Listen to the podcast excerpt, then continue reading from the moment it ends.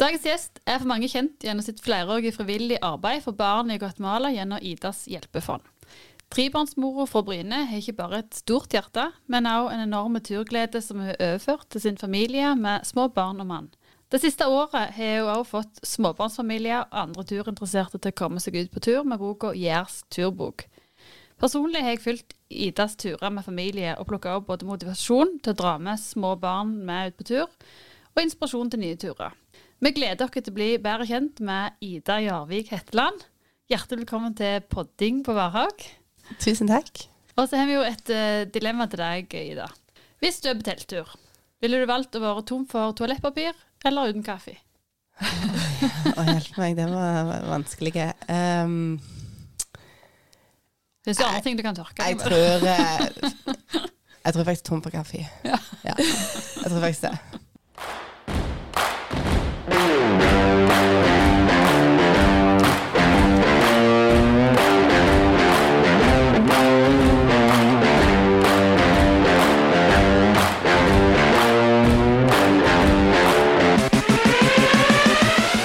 Nå har jo du fått en fin introduksjon, men sånn utover det som ble sagt, hvem er Ida?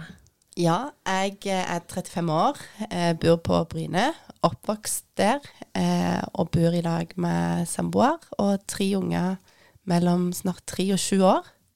Så jobber jeg i Aqua Group. Så, altså, da er det jo full jobb og full rulle på hjemmebane.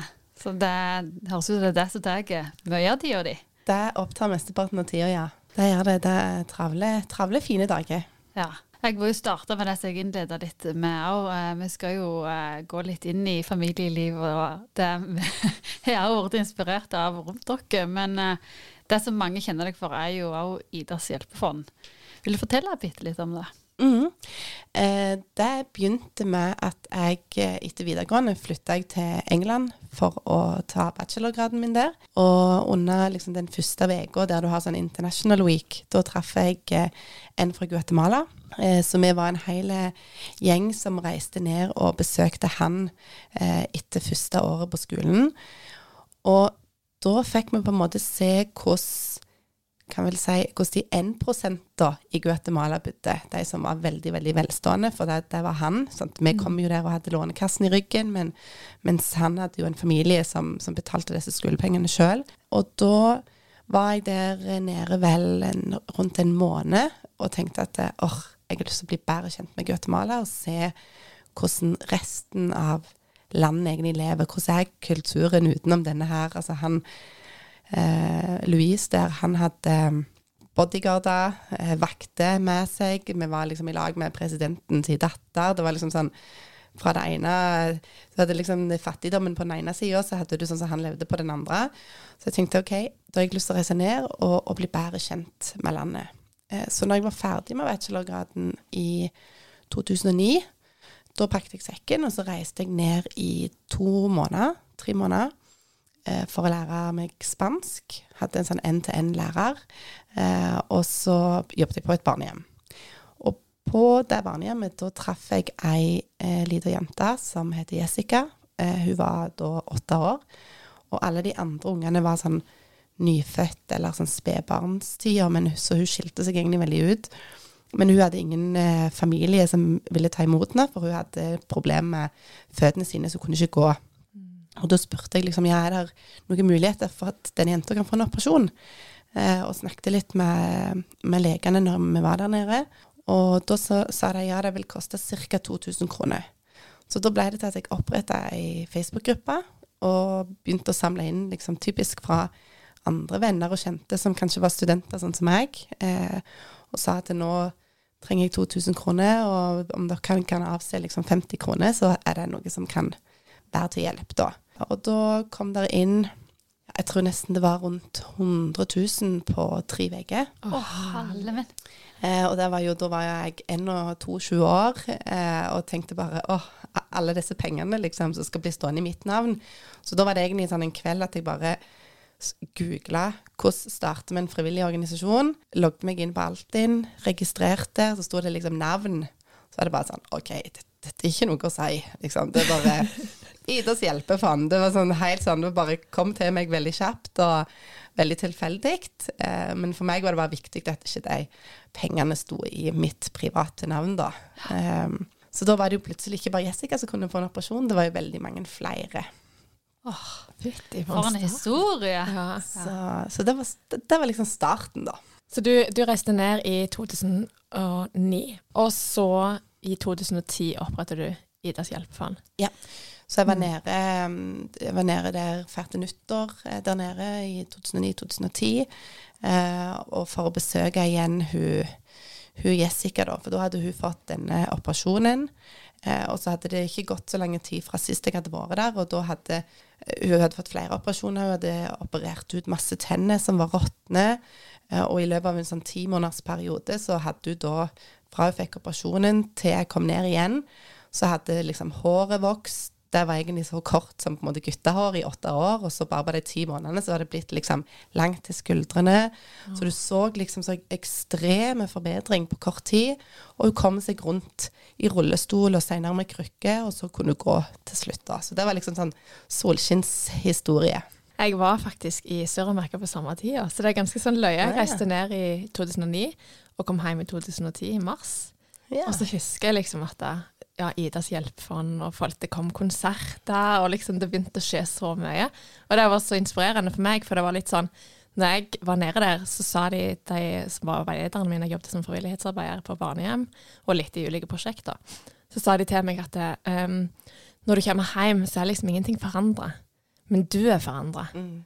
Og så var det sånn det føltes bare så hjelpeløst at liksom jeg hadde vært der nede og følte at hele livet mitt var forandra, hele synet mitt på verden. Og så kom jeg hjem, så var det sånn Men de levde livet sine videre og følte egentlig ikke at de hadde utrettet noen ting. Og så kommer du der og bare sånn smukk. Og så til slutt så blir det daghjem og Ja, det blir ganske stort. Jeg har bare et eh, lite spørsmål inni der, eller ikke så lite, men jeg tenker jo at det er jo veldig mange, og vi òg blir berørte av eh, å se eh, unger, eh, spesielt syns jeg med, med barn, at det er vanskelig å se at de er der. Eh, tøft at det er en veldig stor eh, fattigdom i verden. Men eh, ifra der til å gjøre noe, det er jo det skrittet som er det største for alle. Alle kan bidra litt her og der, men eh, har du alltid vært sånn i det? At du eh, Hjelpeånda i deg har vært sterk? Eh, jeg, jeg tror jeg var ti år når jeg sa at når jeg blir voksen, så skal jeg eh, starte et barnehjem i Brasil. Så det var jo veldig Oi. Morsomt at jeg på en måte, ja, ti år seinere faktisk skulle gjøre noe i den gata. Eh, men jeg har nok alltid vært på en måte en som har sagt fra, og som på en måte ja, har brukt stemmen til å gi beskjed hvis det er noe jeg syns er urettferdig, da. Eh, og jeg tror nok at det kjennetegner nok meg litt som person òg, at eh, jeg er litt sånn at jeg bare jeg må bare gjøre noe med det. Altså, jeg, jeg har tro på at vi alle kan være med å gjøre en forskjell, uansett om det er liten eller stor. Så, og om det er på en måte i et eh, idrettslag eller på jobben eller eh, med veldedig arbeid, så, så tenker jeg at vi, vi kan alle være med og endre på noe som vi ikke liker. Men veien ifra eh, Jessica og videre Du startet Idas hjelpefond, og så hvordan, hvordan var veien videre der? For du har jo du har gjort noe mer enn å liksom funde en operasjon. Ja, eh, så det kom jo inn da såpass mye penger at eh, jeg allierte meg eh, med en del lokale eh, organisasjoner som allerede hadde god lokal forankring i Guatemala, eh, og spesielt en organisasjon som jobbet med leppe-ganespalte blant barn. For det, det, vi så at det var flere landsbyer i Guatemala der det var født liksom hundrevis av unger i året med leppeganespalte. Og her er jo det noe som du på en måte får rask hjelp til på sykehuset. De kan identifisere det allerede når ungen ligger i magen. Sant? Du har et opplegg for å få det, eh, få det fiksa. Mens der nede så er det jo ganske kritisk, for det, det er kostbart. Det kan gjøre at du får problemer med å ete, med å puste, med å snakke. Så det er en del sånn, hvis ikke det blir operert tidlig nok, så kan det få en del sånn utfordringer seinere. Og da sa denne organisasjonen at med ca. 3000 norske kroner så har en da mulighet for å gi disse babyene en operasjon som ikke, det, det vil ikke kreve så mye mer eh, seinere oppfølging, men det kan i hvert fall få gjort det tidlig nok til at det ikke blir en utfordring eh, videre. Så, da, så der ble veldig mange av operasjonene i starten ble den type operasjoner. For mange av disse store organisasjonene som var i Guatemala, de, de kunne kanskje lage sykehus eller skoler og liksom jobbe sånn, veldig sånn bredt og stort, men det var vanskeligere for dem å ha på en måte fleksible nok budsjett til å gå inn på enkeltindivid. Og det var det som liksom ble hjertesaken til Idas hjelpefond, at ingen kan hjelpe alle, men alle kan hjelpe noen. Mm. Så det å kunne gjøre en forskjell i livet til ett barn, sånn at de kanskje kunne gå eller fikk den operasjonen så de kunne ete bedre eller snakke eller ja, eh, puste bedre, det var liksom veldig viktig. Og så har det på en måte etter hvert eh, utvikla seg til at vi så det var veldig mange unger som hadde behov for å være en plass på dagtid. Eh, når foreldrene prøvde å finne seg en jobb. Sånn, treåringer var kanskje etterlatt hjemme alene i mange timer med eldre søsken eller andre. Så det å ha et slags barnehagetilbud eh, ble noe som vi starta i lag med måte kommunen da, i dette lokalsamfunnet i 2013. Hva er Idas hjelpefond i dag? Det er egentlig en litt sånn kombinasjon av de to. Det er ennå et, eh, en, en, barnehage for disse minste, eh, og en mulighet for de som går i den offentlige skolen, til å komme etter skoletid og få leksehjelp og spanskundervisning eller engelskundervisning, sånn at det skal øke sjansene deres for å være i den offentlige skolen. For veldig mange har jo foreldre som kanskje ikke kan lese og skrive, og da er det større sjanse for at de dropper ut desto høyere opp i barneskolen de kommer. Så, så, i dag så er det en barnehage, det er mulighet for å gi enkeltindivid operasjoner, og så er det da dette etterskole- eller leksehjelptilbudet, da.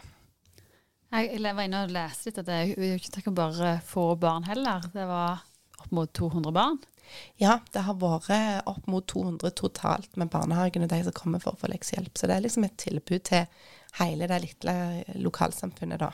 Og blir drevet egentlig av folk der nede. Så det er hele tida vært med den lokale forankringen, men så samler jeg inn penger. Da det er liksom det jeg kan gjøre i Norge gjennom barnehager og skoler her. Vi hadde akkurat FN-dagen i Trollungene barnehage. Stemmer det. og da var det innsamling til Idas hjelpefond, og det har det vært hvert år. Og det, jeg tror mange organisasjoner lokalt eh, ennå vet veldig godt om, eh, om, fondet ditt og er med og bidrar. Ja, og det er egentlig det som jeg har syntes har vært kanskje noe av det mest givende med arbeidet. Det er det at det, det er liksom unger her som er med og hjelper unger der. Mm. Eh, og min rolle i det er egentlig å komme inn i barnehagene, sånn som i Eivinds i Trollungene barnehage mm. eh, og fortelle om hvordan er livet i Guatemala. Både sånn på godt og vondt. sant? For de, mm. vi har noe vi kan lære av deres kultur. Og, og eh, det å liksom belyse litt sånn forskjeller og likheter, det har vært viktig. Mm. Kjempefint budskap, syns jeg, å gi til barna. Og at der, der, lager de en kunst, og så er det vi som på en måte kjøper den, og så går inntektene til Idas Hjelpefond. Kjempefint. Ja, veldig. Hva Har dere vært nede med familien etter dere har fått små unger, eller er kanskje litt tidlig ennå? Jo, vi var nede. Vi hadde en sånn to måneders reise i første permisjonen med Tobias, han eldste. Eh, så når han var ti måneder, så reiste vi til Guatemala. Og det var veldig kjekt, for det var liksom første gangen eh, Jostein, samboeren min, òg fikk være med ned og se eh, hvordan det var der nede. Eh, og det er liksom litt viktig, for du kan på en måte fortelle så så mye hjemme, men du er noe mm. med å se det med egne øyne, da. Mm.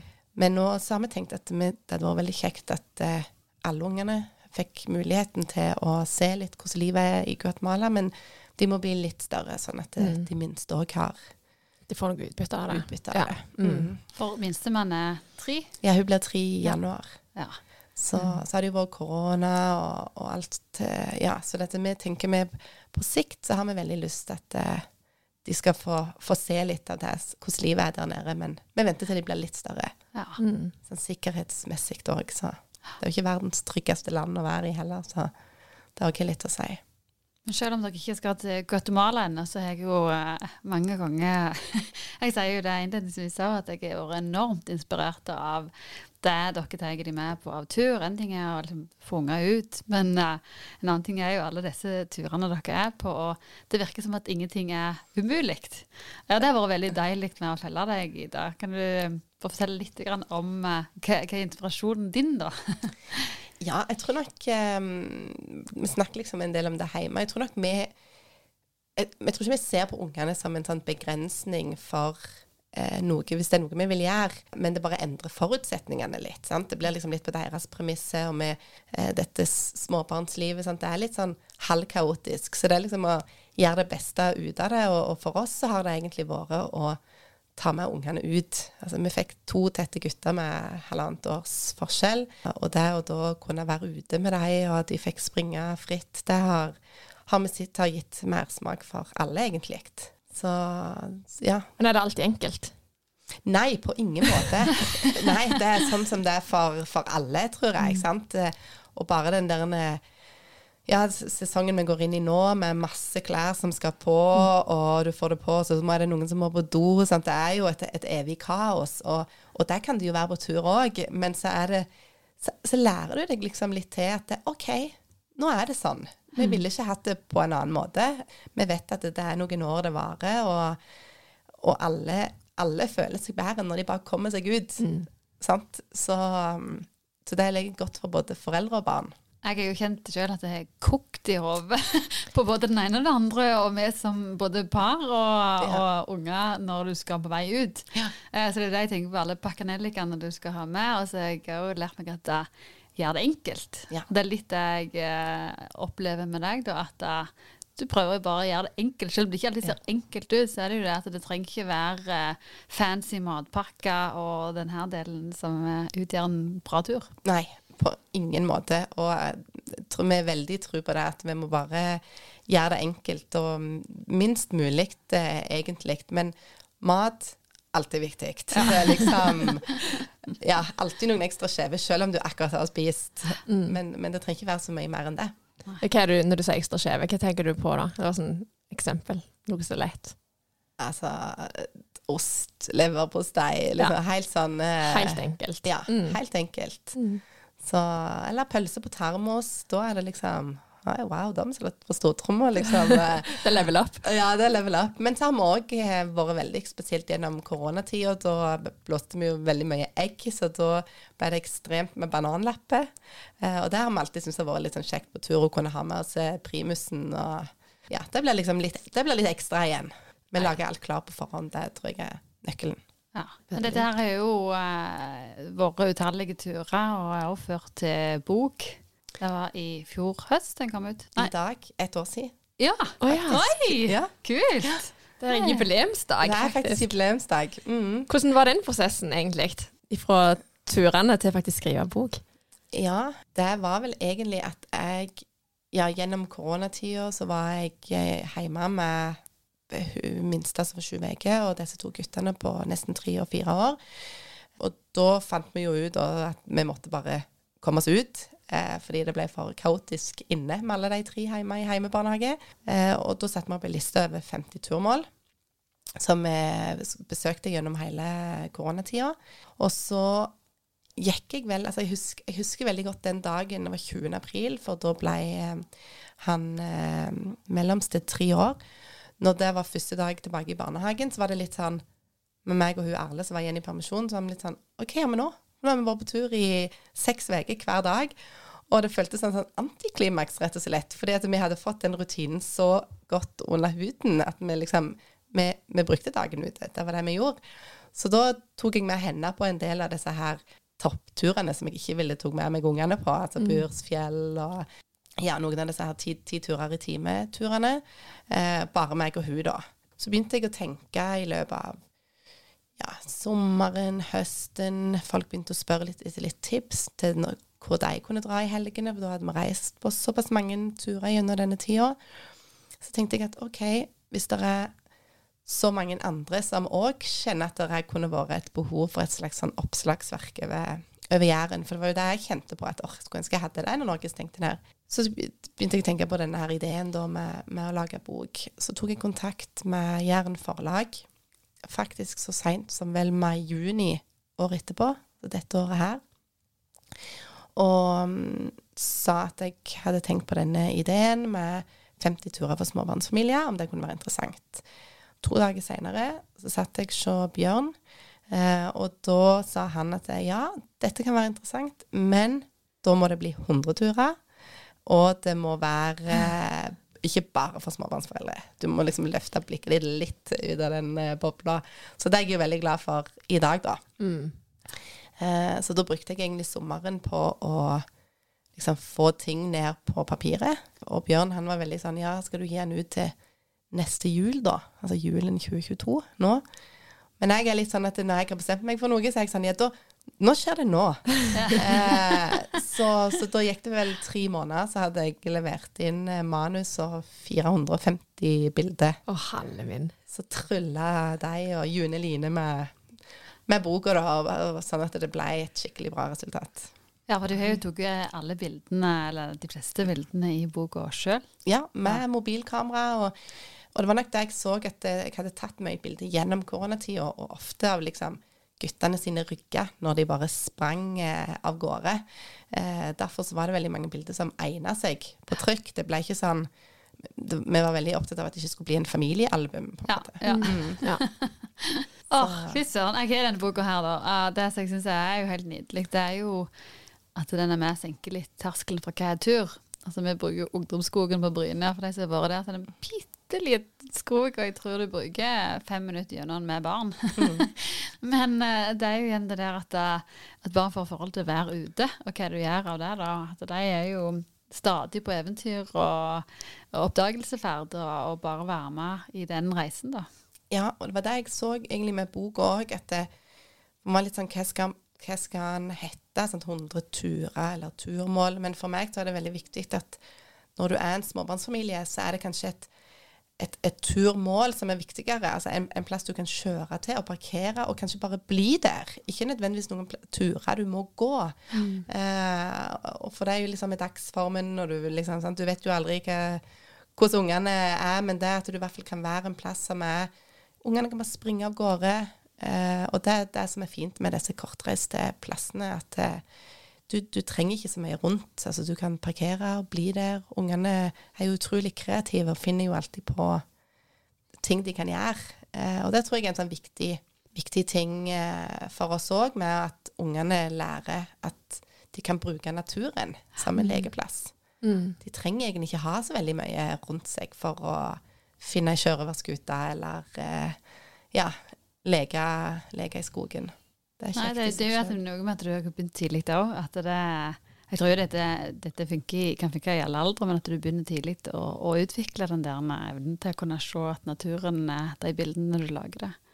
Absolutt. Men har du noen sånne juicy historier på de gangene det ikke har gått helt etter planen?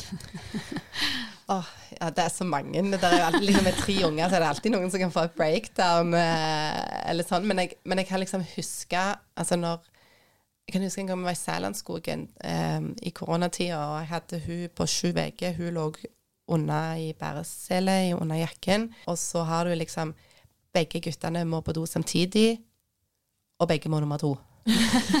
eh, og jeg er ikke med vogn, så jeg, jeg har jo hun her, og han som var liksom ikke blitt tre ennå, han er jo på en måte nettopp eh, slutta med bleie for ikke så veldig lenge siden. Så det er liksom det kaoset der med å liksom finne en plass, og noen skriker, og hun ligger under der, det er liksom Ja, det, det er ikke Du kjenner du lever, det kan du vel si. Så det er liksom alle disse her småtinga, men, men ikke noen sånne store ting. Sikkert fortrengt det. Ja.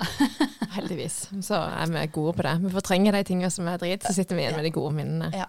Men har du alltid vært glad i friluftsliv? Ja, jeg har egentlig det. Um, jeg um, var oppvokst uh, i en familie der vi egentlig alltid har uh, typisk hatt den der søndagsturen, alltid vært med på tur i helgene. Uh, og brukt turistforeningshyttene veldig mye eh, i ferier med mor mi og broren min eh, egentlig gjennom hele oppveksten. Så det var egentlig noe som jeg tidlig hadde lyst til at eh, våre unger òg skulle få et forhold til. Det er liksom eh, det enkle, gode liv, da. Mm. det var noe jeg satte pris på sjøl, i hvert fall når jeg ble eldre.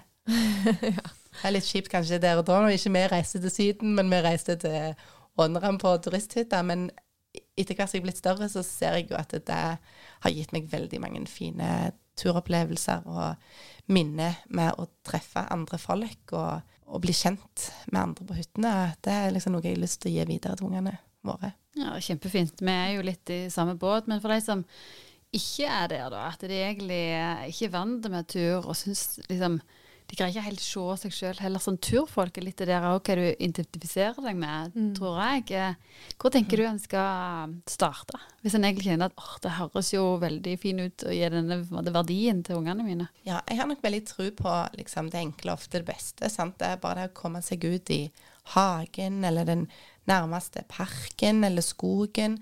Og så tror jeg det er litt sånn undervurdert blant eh, småbarnsfamilier å bruke barnehager og skoler i helgene. Det tenker jeg er en sånn fin plass til du er ute. Der er liksom Der er litt eh, rundt. At det kan være en sånn god start, da. Og matpakken med, ikke Ja, sant? ja. Ja. Vi har vært en del i barnehager. Da reiser vi jo typisk eh, Vi bor jo på Vigerstad, så vi reiser til Bryne. Reiser rundt overalt i all slags barnehager. Det som er genialt da, det er jo at hvis det er litt sånn kaos og uoversiktlig, sånn som du som hadde to gutter, aktive gutter og en baby, så kan du bare lukke igjen grinda, så er de innegjerdet. Og det er jo også genialt, da. Ja, og det, vi har brukt det masse fra de var små. For da er det, det er liksom en god måte å komme seg ut. Du kan kanskje nyte en varm kopp kaffe. For det er som du sier, du kan lukke ei grind, og de er i, i trygge omgivelser. Så det tenker jeg er en sånn god plass å starte. Mange, mange skatter å besøke. Ida, du er jo midt i det såkalte hamsterhjulet. Eller jeg vet ikke om vi vil bruke det ordet engang, men det er iallfall noe folk forstår. At det er full jobb, tre små barn.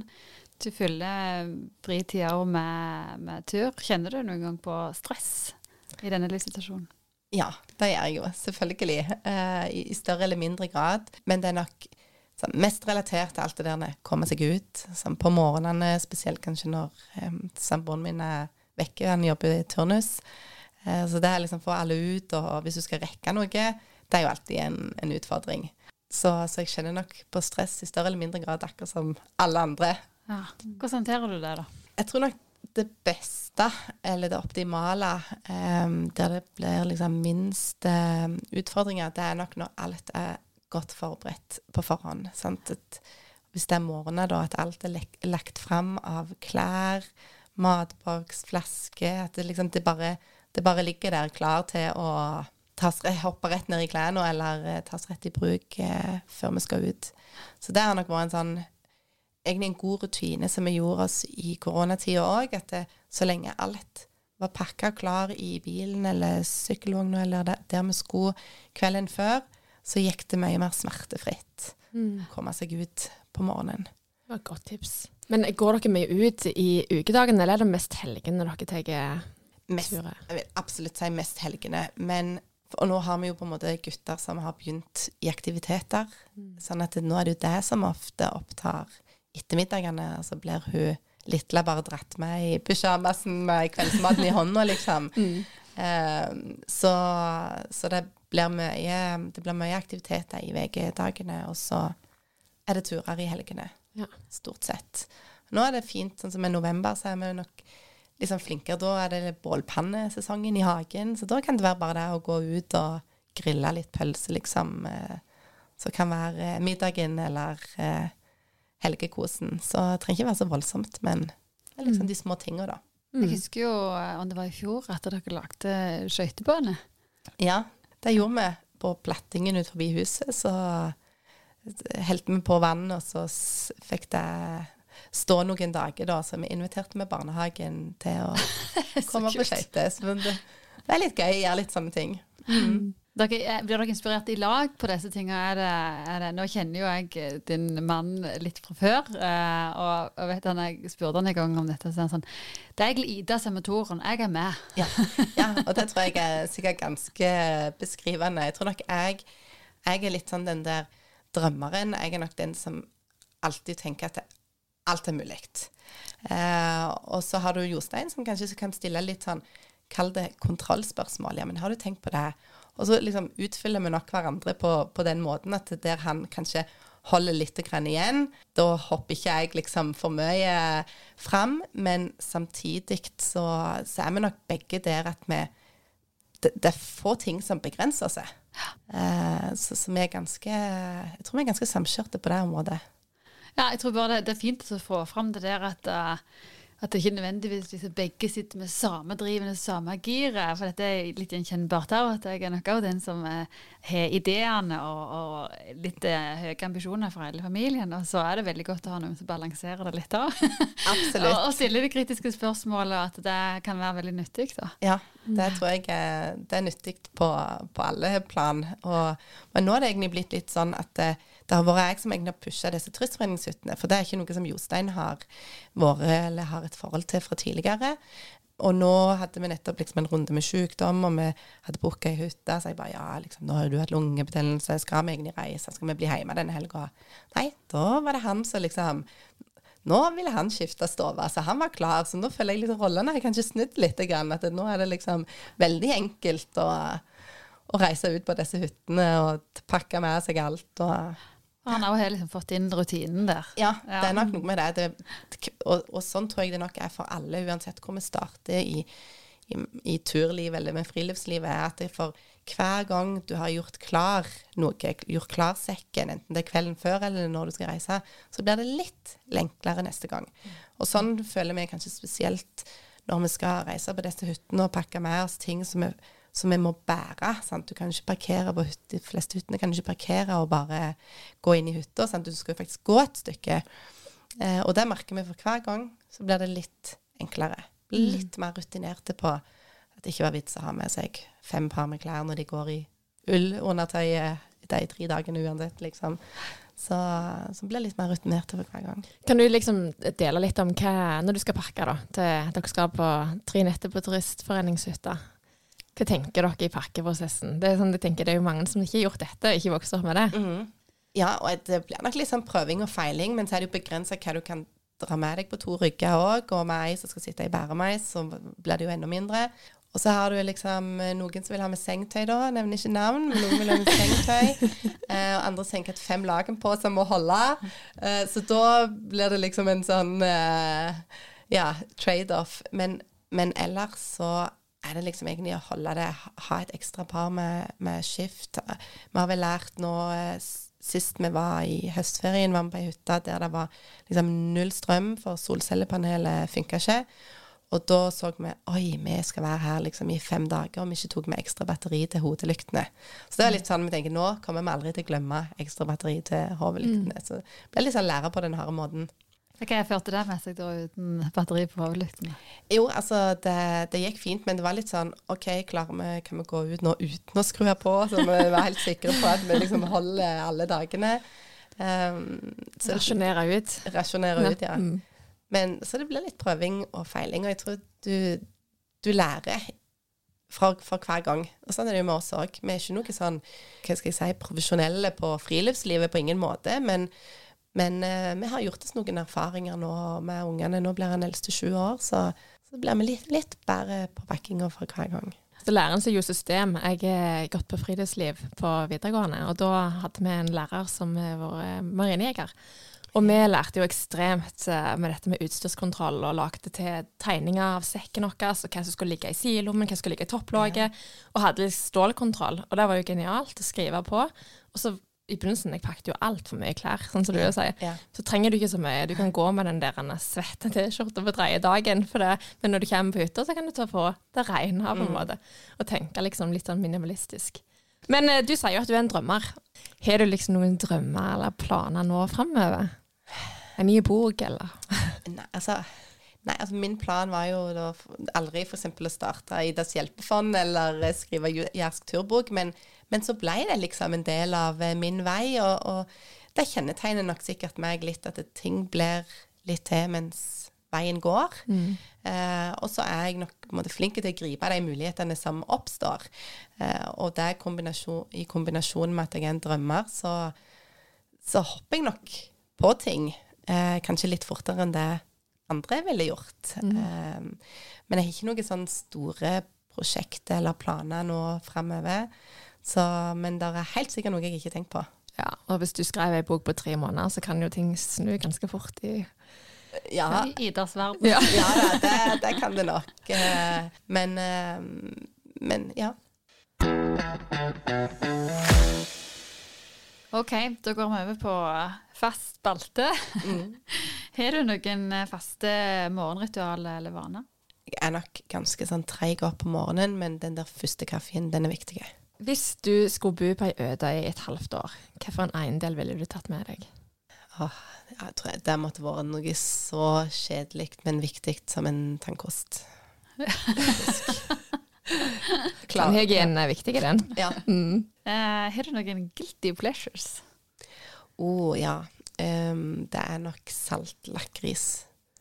Det er sånn at det, når ungene mine liksom begynte å si at det, hvis, jeg, hvis de sparer lørdagsgodtet fra den ene lørdagen til den andre, og de ser at noe er vekke, så legger de liksom, igjen, sier de at jeg må legge igjen penger, fordi de vet at jeg går og så stjeler litt eh, i løpet av uka. Det er ikke så veldig bra, men eh, veldig glad i snop. Ja, så da ryker det litt ifra basen. Ja, det gjør det. Det blir Men- dyre smågodtting, altså. Ja, det blir det. Mm. Ja. Men når du er liksom alene og ikke kommer deg ut eh, hvis samboeren er på kveldsvakt, så ja, da betaler du den prisen, rett og slett. Ja, vet du hva. Jeg ser den. Vi kan ikke ha det i huset men Da spiser vi det opp. Så det, jeg tenker det var et godt kompromiss. Hva har du lyst å bli huska for? Jeg håper jo at jeg blir huska for at jeg var en som var med og gjorde en forskjell for andre. Det hadde vært fint. Det vil du jo uansett bli huska for. Med Idas hjelpefond. Ja, du vil komme langt der, Ida. ja. Du er kjempegildt at du ville komme her til Varhaug i dag og, og dele din historie om både Idas hjelpefond og Jærsk eh, turbok, og hvordan du får litt din hverdag til å gå opp. Veldig kjekt. Tusen takk for at jeg fikk komme.